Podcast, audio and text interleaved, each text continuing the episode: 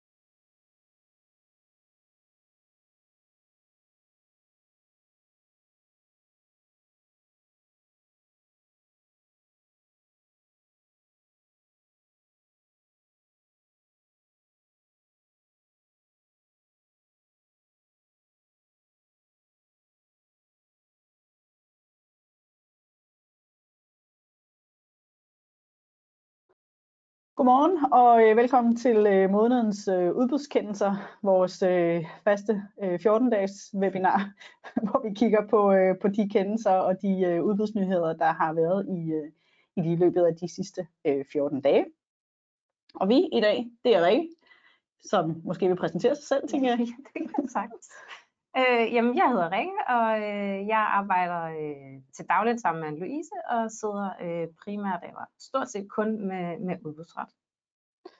Yes, og jeg hedder Anne-Louise Dalgaard Petersen. Jeg sidder øh, som advokat her i Horten og arbejder sammen med Rikke i vores øh, afdeling for, øh, ja, vores team hedder det for, øh, for udbudsret. Øhm, og vi har sammensat et øh, program, Vanen Tro, hvor vi øh, tager igennem det, der nu er sket inden for de sidste øh, 14 dage.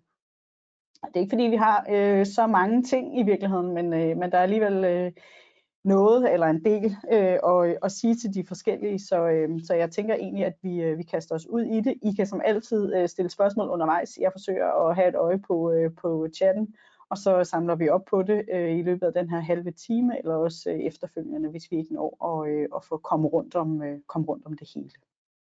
Yes, og øh, vi starter med en, øh, jeg har lyst til at sige gammel kendelse, men så gammel er den ikke, men den går helt tilbage på, på 23. marts.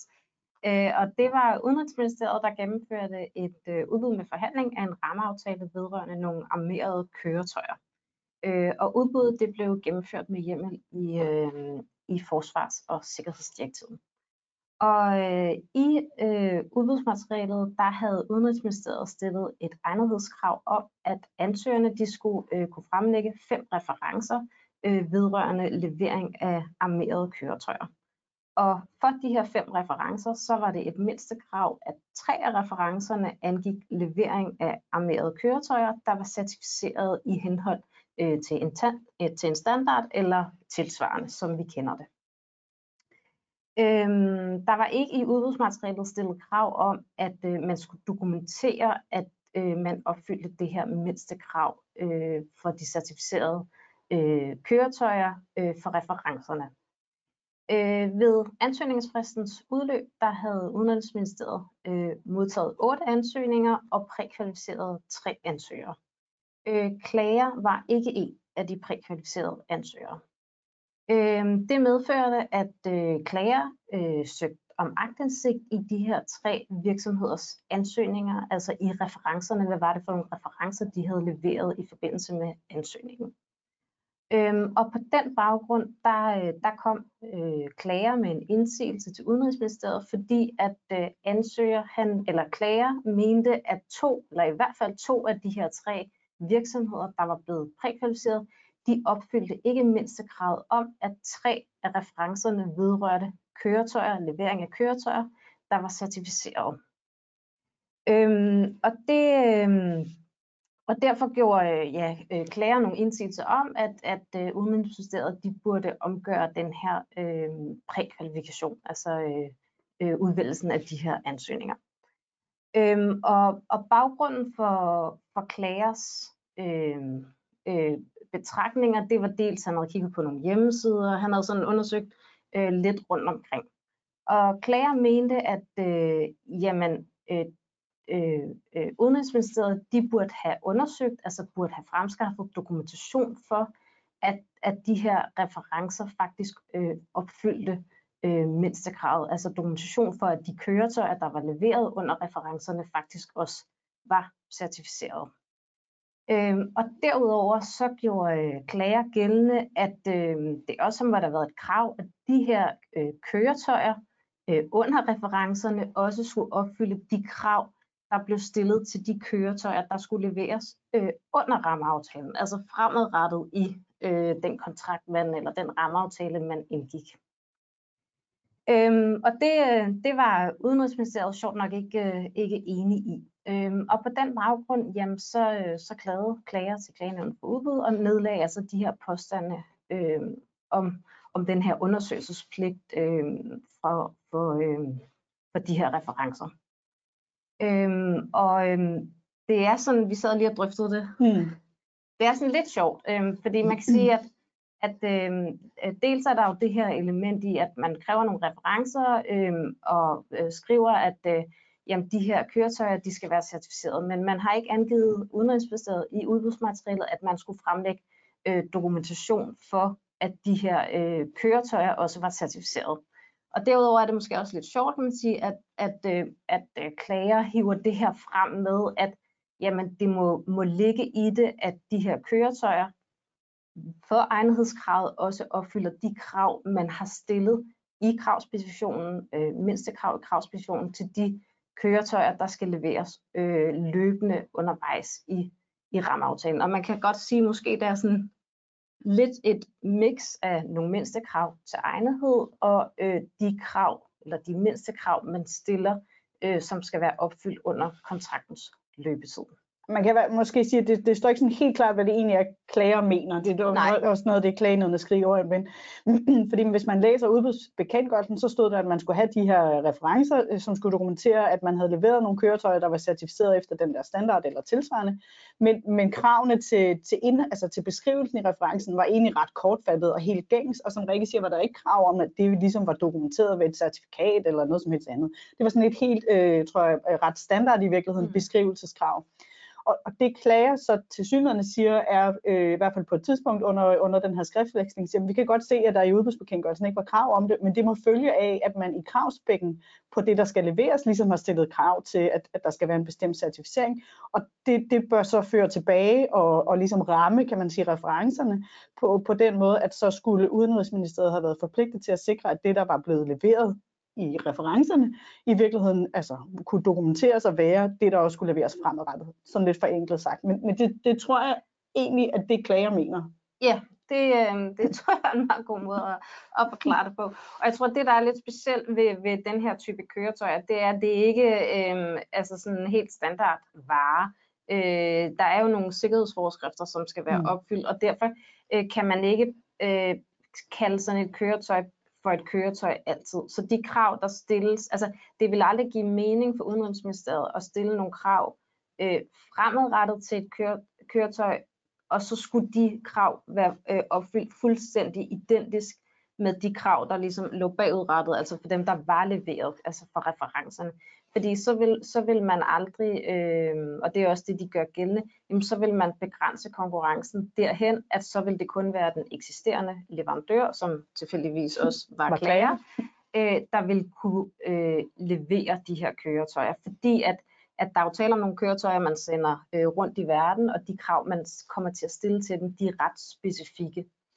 Øhm, og er jo øh, nogle krav, man stiller ud for nogle øh, sikkerhedshensyn og nogle sikkerhedsbetragtninger. Øh, Øhm, og man kan sige, det, øhm, det var klagenævnet øh, også enige med Udenrigsministeriet i. Øhm, og de lagde vægt på, jamen øh, dels øh, var der ikke noget sted i udbudsmaterialet, hvor det stod skrevet, at det var et krav, at man kunne dokumentere, at de her referencer, øh, køretøjer under referencerne var certificeret. Altså man havde ikke øh, stillet krav herom i udbudsmaterialet.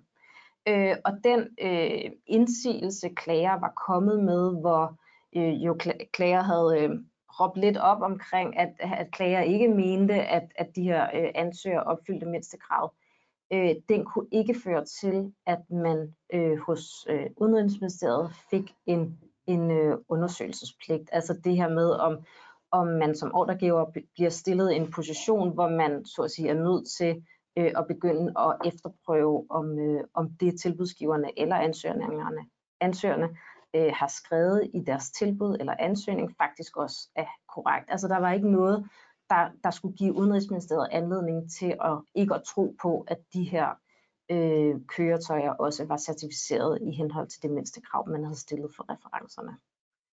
Øhm, så jeg tror egentlig, at øh, den den følger meget godt, hvad vi havde troet, mm. hvis man kan sige det sådan. Øhm, og, og der var heller ikke det her krav om, at det kunne man heller ikke læse nogen steder, jamen at, at, at de krav, man stillede undervejs i kontraktens eller rammeaftalens løbetid øh, til køretøjerne, øh, skulle tilsvarende gælde for mm. de køretøjer, der havde været leveret øh, tidligere under referencerne. Altså man kan sige, at det virker som en helt oplagt kendelse, og man kan undre sig lidt over, hvorfor der er blevet klaget, og det er jo enormt taknemmeligt at sidde og sige her på bagkanten, når vi kun kender det, der står i, øh, i, øh, i klagenævnets kendelse, kan man sige. Så det er, det er jeg helt med på, men det virker ret logisk, øh, sådan som sagen er præsenteret her, øh, i kendelsen i hvert fald, at klagenødene når til det resultat. Og klagenødene siger jo også, at udgangspunktet er, at man kan lægge, lægge til grund, at det, der står i en ansøgning, er rigtigt. Altså der er ikke, det er kun, hvis der er et eller andet åbenbart urigtigt, at der op, indtræder, kan man sige, en undersøgelsespligt. Og jeg tror også, det er vigtigt at holde, holde, holde fast i, at kan man sige, de der øh, to henvendelser, der kommer fra klager, inden man når til klagenødene, hvor man, hvor man ligesom rejser indsigelserne over for udenrigs, Udenrigsministeriet, der siger klagenødene jo, som, som Rikke siger, at det udløser heller ikke en undersøgelsespligt. Men, men det skal jo ses i tæt sammenhæng med, at klagenødene samtidig finder, at, at man havde slet ikke krævet den der dokumentation. Mm.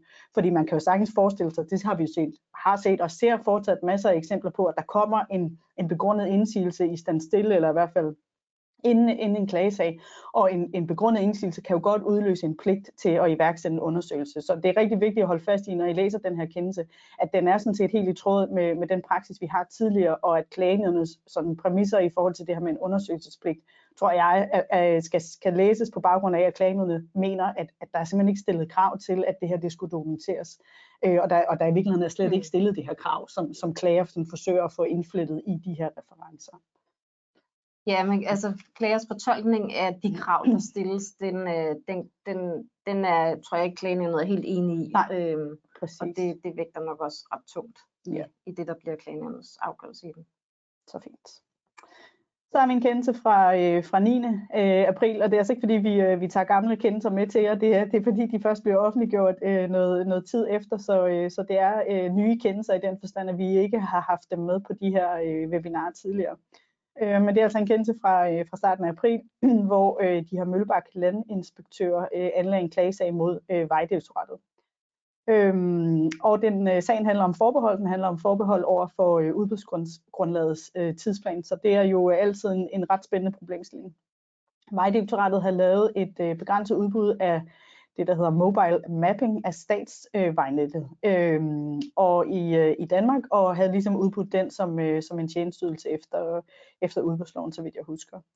Øh, og der var i, øh, i udbudsgrundlaget øh, lagt op til en ret stram tidsplan, tror jeg godt, man kan sige, at fra man ligesom havde i gang sat den her opgave til, der skulle ligge et færdigt produkt, der var et, en ret kort periode øh, som i øvrigt også var bodsbehæftet, og der var nogle mellemterminer, der var bodsbehæftet. Så tidsplanen i det her udbud var sådan, øh, øh, tror jeg, man kan, man kan vel godt kalde den sådan ret kritisk øh, og ret stram i virkeligheden. Så var der øh, nogle konkurrenceparametre, det var økonomisk øh, mest fordelagtige tilbud, og under de kvalitative kriterier, der ville man blandt andet kigge på øh, sådan tilrettelæggelsen af arbejdet, og hvad man havde gjort sig i forhold hvad tilbudsgiver havde gjort sig af overvejelser i forhold til at mødegå de udfordringer, der kunne opstå i forbindelse med, øh, med udførelsen af den her opgave.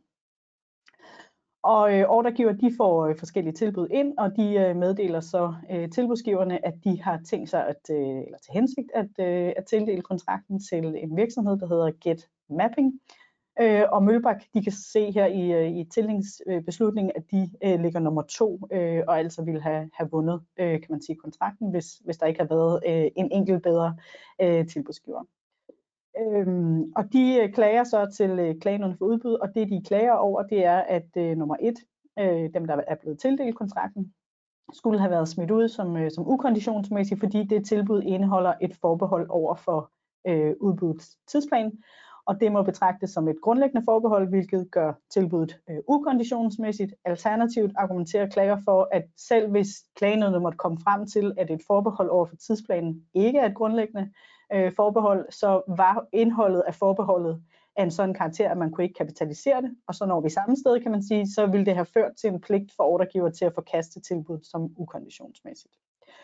Og det det hele bunder i, kan man sige, det er, at vindende tilbudsgiver i sin besvarelse af, øh, af konkurrenceparametrene har, øh, og i øvrigt i virkeligheden har beskrevet, at man kører efter øh, Prins 2-modellen, som er den her projektledermodel øh, og systematik.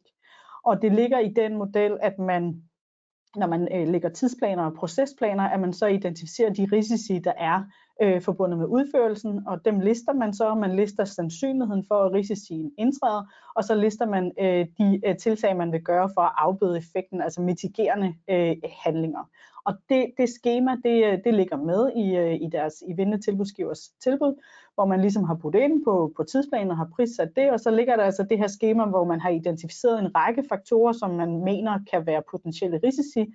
Det er blandt andet øh, covid-19, det er manglende myndighedsbehandling, det er nogle forhold knyttet til, til Brexit, Øhm, og der, der er sådan forskellige øh, øh, forhold, de har identificeret som, som risici, og så har man beskrevet, hvad, hvad vil man gøre for at imødegå det. Og det er altså det, der fører til, at klager siger, jamen det her, det må betragtes som et forbehold. I har jo i virkeligheden i jeres tilbud sagt, jamen der er de her øh, risici, og, øh, og, og det, dem, det må vi forstå sådan, at, at, at øh, vindende tilbudsgiver i virkeligheden ønsker at overvælte risikoen for, at, at de her risici øh, indtræder eller realiseres på ordregiver. Det er i hvert fald, som jeg forstår det, det er klagers synspunkt, der siger, jamen det her tilbud, det er faktisk behæftet med et forbehold. Man tager forbehold for sin egen tidsplan, fordi den der liste må forstås sådan, at man i virkeligheden øh, tager forbehold for, om, øh, om tidsplanen overhovedet kan realiseres.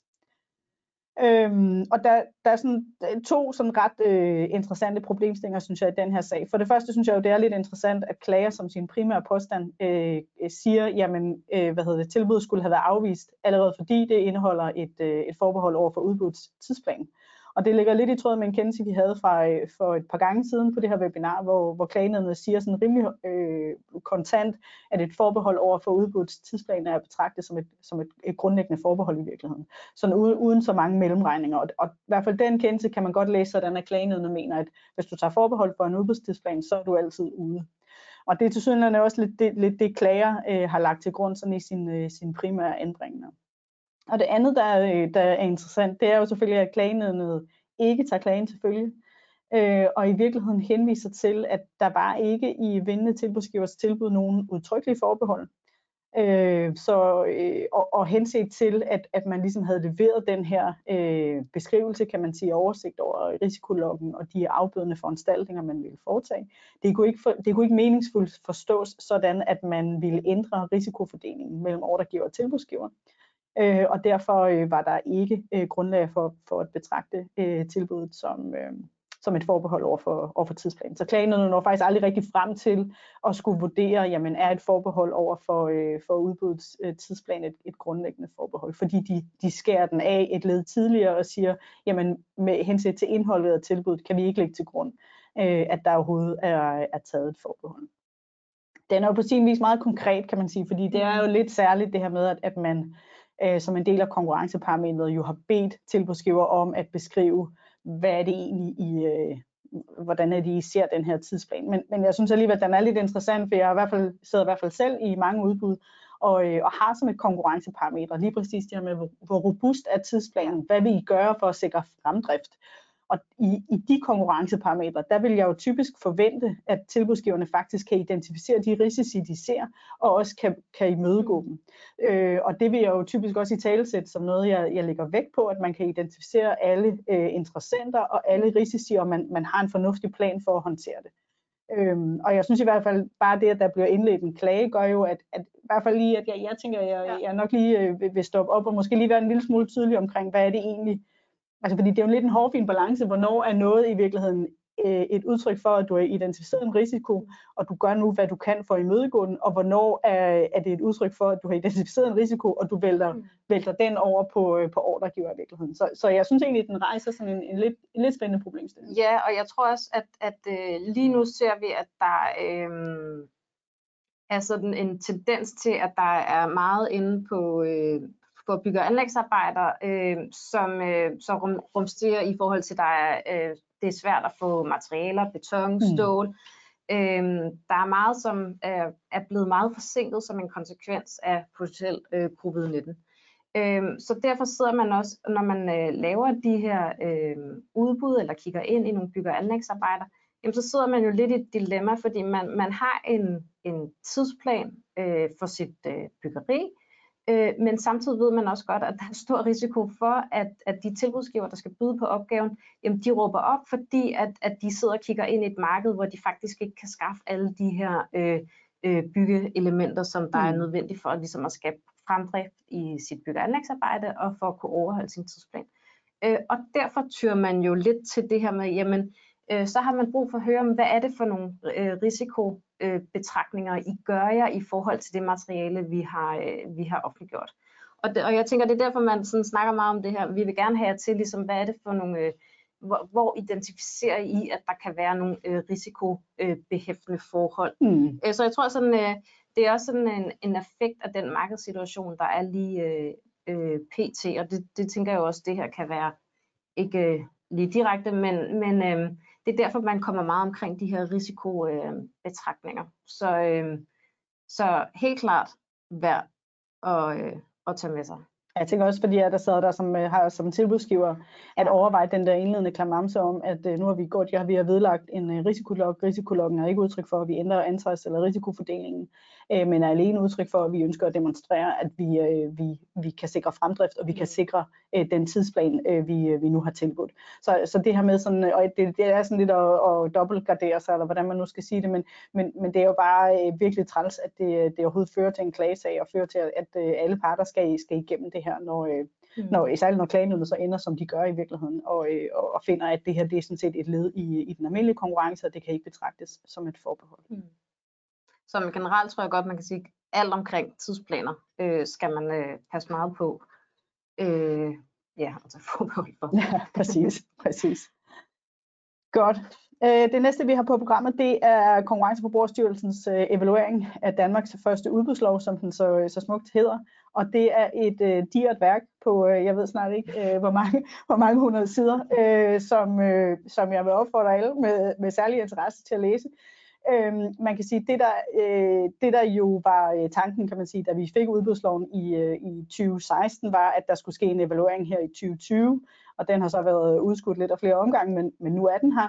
Og det evalueringen er, det er jo Konkurrence- og Forbrugerstyrelsen har for det første indsamlet forskellige input for, for alverdens interessenter, øh, og så har de givet det, de selv kalder deres faglige evaluering af, af udbudsloven. Hvad er det af de input, man har fået, som man kan ændre? Hvad giver mening at ændre, og i givet fald hvordan? Og den øh, rapport, øh, som så også er offentliggjort, har de så overleveret til erhvervsministeren, som så er ansvarlig for at, øh, at vurdere, om, om der på baggrund af det her skal ske en ændring, altså en politisk ændring af, af udbudsloven.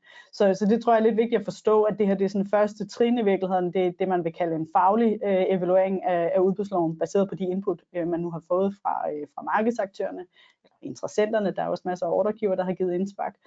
Øhm, og så er det, bliver det viderebragt, kan man sige, til den, øh, til den politiske behandling.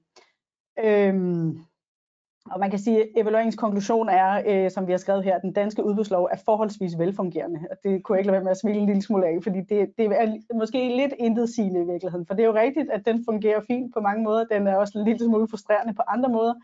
Øh, og jeg vil sige, at øh, den, den systematik, som Konkurrence- og Forbrugerstyrelsen har brugt, er, at de har delt det ind i nogle forskellige emner, og det er primært de her otte emner eller temaer, vi har taget med, og så har de for hvert ligesom beskrevet, hvad er det, der bliver oplevet som udfordring, hvad er det, vi retligt kan gøre, altså hvor meget af det her kan vi ændre, og hvor meget af det følger i virkeligheden af udbudsdirektivet, og så er der ikke rigtig noget at gøre.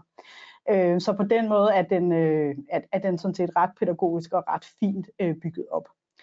Øh, hvis jeg sådan lige lynhurtigt skal, skal lave nogle nedslagspunkter, så vil jeg sige, i forhold til, øh, altså der er rigtig meget af det, hvor, hvor Konkurrence- og Forbrugerstyrelsen egentlig konkluderer, at ja, markedet oplever, at der er et behov for øh, en yderligere klarhed i reglerne, men det kan, det kan håndteres ved, ved yderligere vejledning. Det gælder for eksempel de fleksible udbudsprocedurer, Øhm, og det gælder også til dels det her med ændringer i udbudsmateriale, hvor det bliver oplevet som, som ret svært at finde ud af, hvornår er det egentlig, vi må ændre, og hvornår er det, vi ikke må. Jeg tror, noget af det, jeg sådan selv synes øh, var lidt interessant, det er i forhold til øh, udelukkelse og, øh, og self-cleaning, hvor, øh, som jeg læser Konkurrence- og Forbrugerstyrelsen, så åbner de nu op for, at man måske godt kan skabe en, øh, en national lovhjemmel, som giver mulighed for, at ordregiverne som et kontraktvilkår kan sætte ind, at man kan øh, bringe kontrakten til ophør, hvis leverandøren i kontraktperioden kommer i en udelukkelsesgrund. Og det synes jeg var ret interessant, for der har jeg tidligere hørt, eller i hvert fald forstået øh, Konkurrence- og Forbrugerstyrelsen sådan, at det mente de ikke, at man kunne. Så, så det, det synes jeg egentlig er ret, øh, ret interessant så er der heller ikke nogen tvivl om, at hele samfundsansvaret og arbejdsklausuler er noget, der fylder rigtig meget, og nok i virkeligheden også fylder mere nu, end, øh, end der i 19 og øh, starten af 20, da, da styrelsen indhentede sin input. Og det, der ligger i rapporten, det er en overvejelse om, om man skal lave en øh, altså særskilt national lovgivning, som forpligter ordregiver til at have øh, arbejdsklausuler i, øh, i udvalgte øh, kontrakter.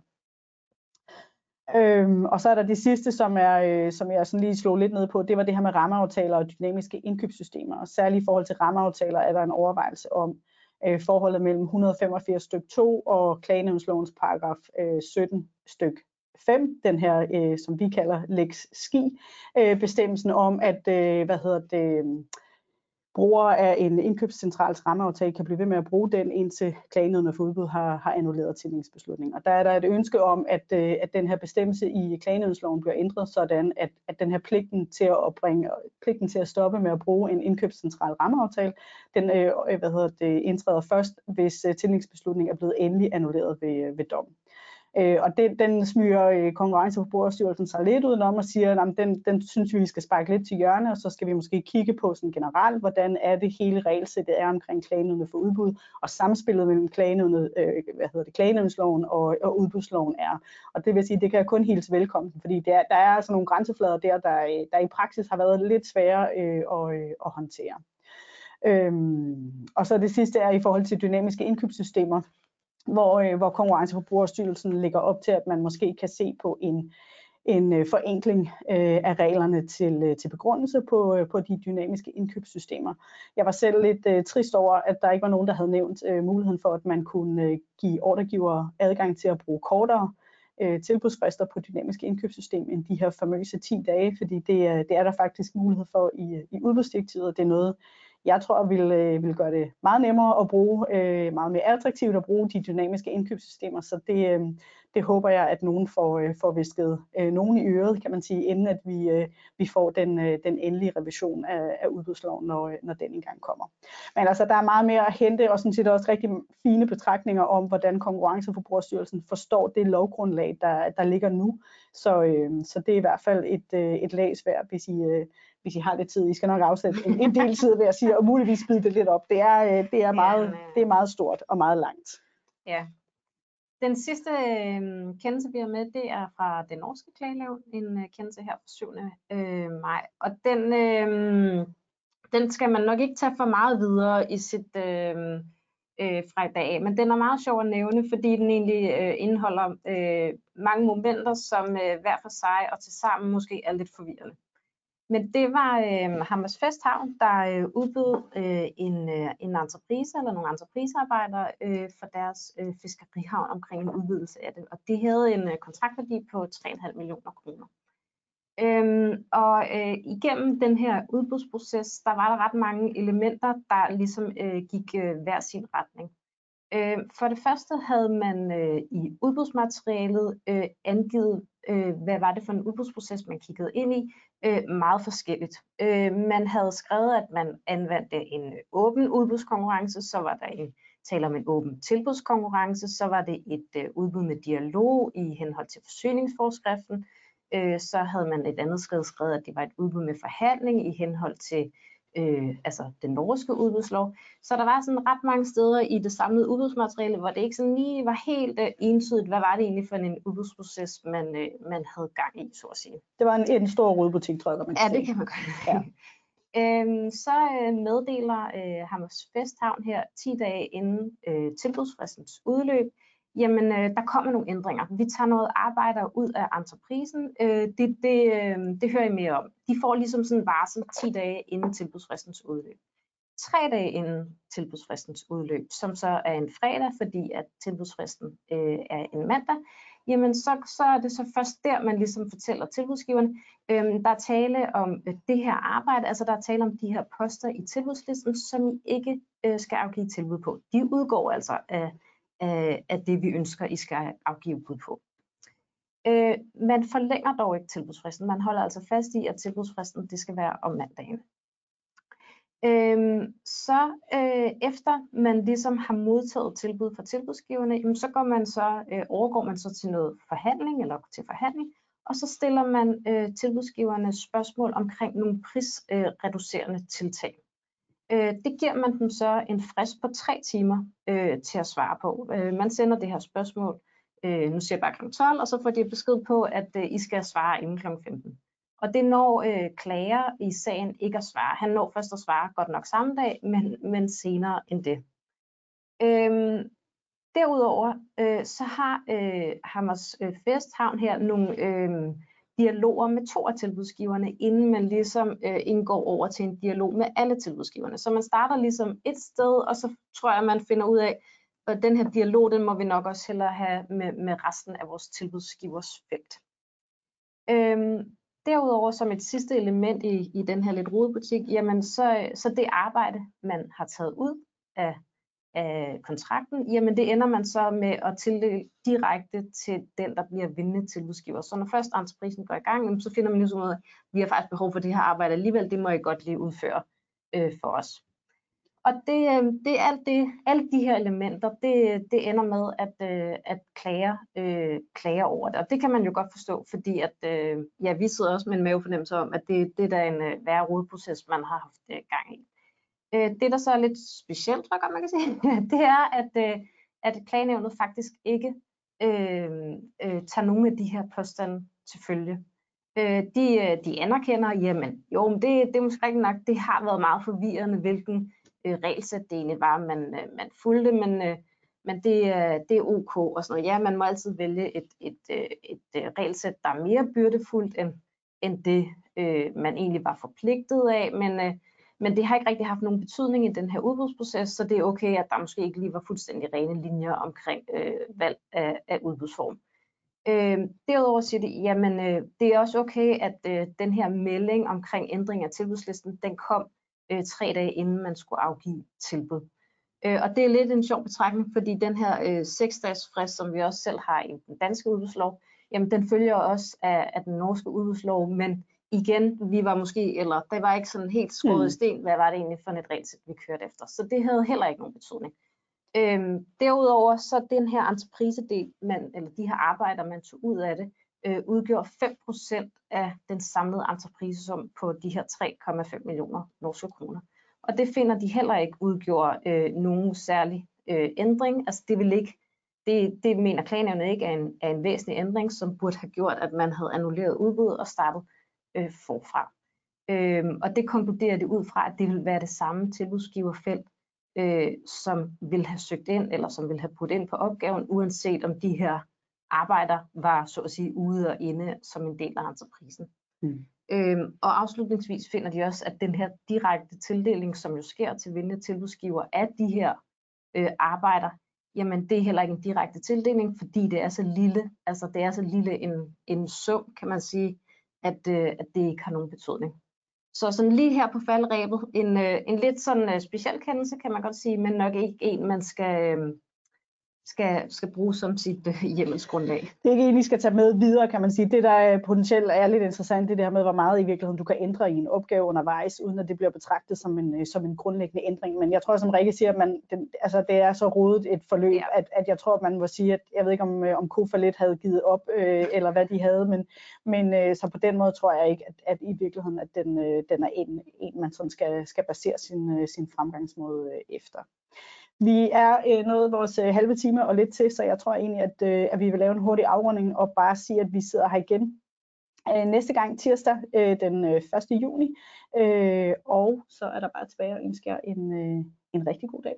Og god pinse, når jeg kommer dertil.